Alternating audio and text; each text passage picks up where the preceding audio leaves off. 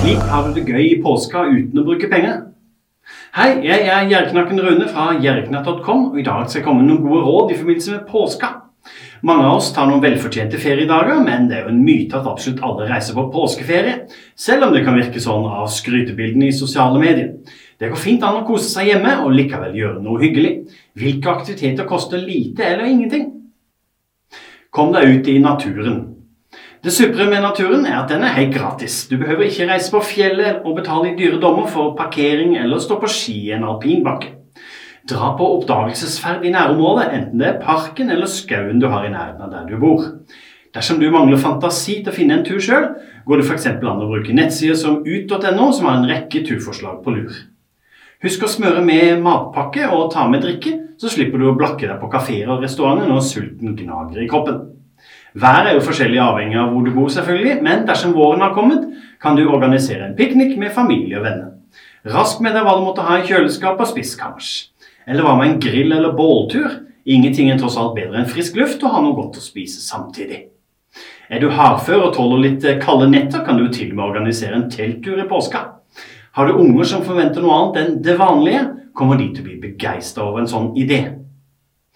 Kulturopplevelse må ikke koste penger. I den stille påska liker jeg å kose meg med en god bok eller flere, men du behøver jo ikke kjøpe dem. Stikk innom biblioteket og lån bøker til deg sjøl og hele familien. Det koster ingen verdens ting. Enten du koser deg med bøker i solveggen hjemme eller i sofaen hvis det regner, så får du en opplevelse helt annerledes enn når du bare slår på TV-en eller PC-en og sløver foran den. Enten du er alene eller har en hel familie som skal aktiviseres, er museer og attraksjoner perfekt for deg som ikke vil eller kan bruke penger. Det finnes en rekke museer og klassiske severdigheter som har gratis inngang. Sjekk litt rundt der du bor. Mange går på kino i påska, men kanskje du like gjerne kan arrangere kinokveld hjemme i stua? En god film kan man jo strømme. Du kan teste strømmetjenester og film helt gratis. Eller kanskje noen du kjenner har filmer på lur i bokhylla. Noen kroner kan du sikkert bruke på litt snacks, men det blir uansett billigere enn å kjøpe det i kinokiosken. Arranger vennekveld. Du er neppe den eneste som er hjemme i påska. Hverdagen er travel som bare det, og noen fridager er fine å bruke på å pleie vennskapet du har med andre.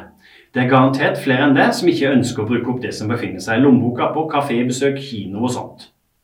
Jeg er veldig glad i å arrangere brettspillkveld med både familie og venner. Det høres kanskje litt sånn 70-tallsaktig ut, men det er faktisk utrolig morsomt. Og en sånn kveld er kjempemorsom, enten man spiller ludo, monopol eller med moderne brettspill. Mange bibliotek har forresten brettspill du kan låne. Hva med å arrangere byttekveld med venner og kjente? Alle har vi vel noen som ikke brukes lenger, og som kan gis bort. Enten man bytter klær, bøker, filmer eller andre ting, så er en sånn byttegreie et supert utgangspunkt for en morsom kveld i lag med andre. Rydd klar til sommeren. Fridagene i påska er også perfekt for å rydde unna vinteren og bli kvitt gamle ting vi ikke lenger har bruk for.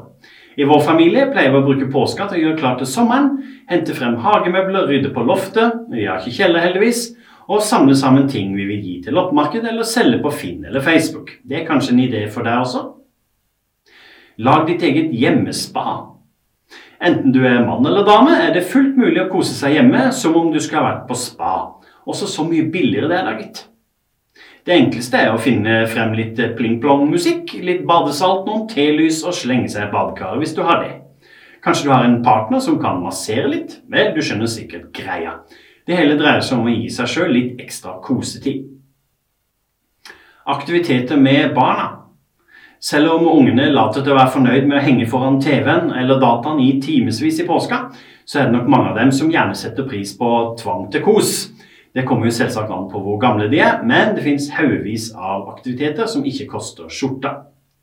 Eksempler på sånne aktiviteter kan f.eks. være bake kaker, cupcakes eller enkle ting som vafler sammen, Undersøke naturen og lære om planter og insekter. Barn er vitebegjærlige til tusen. Klatre i trær. Dra en tur på stranda og bygge sandslott og samle stein. Spille spill sammen. Nei, ikke vær for dere på dataen, altså. Kaste frisbee eller spille badminton ute. Ake hvis det fortsatt er snø der du bor. Ta frem legoklossene og start et storprosjekt. Lag en skattejakt med skattekart og enkle premier gå på fisketur osv. osv. Gjøre absolutt ingen verdens ting.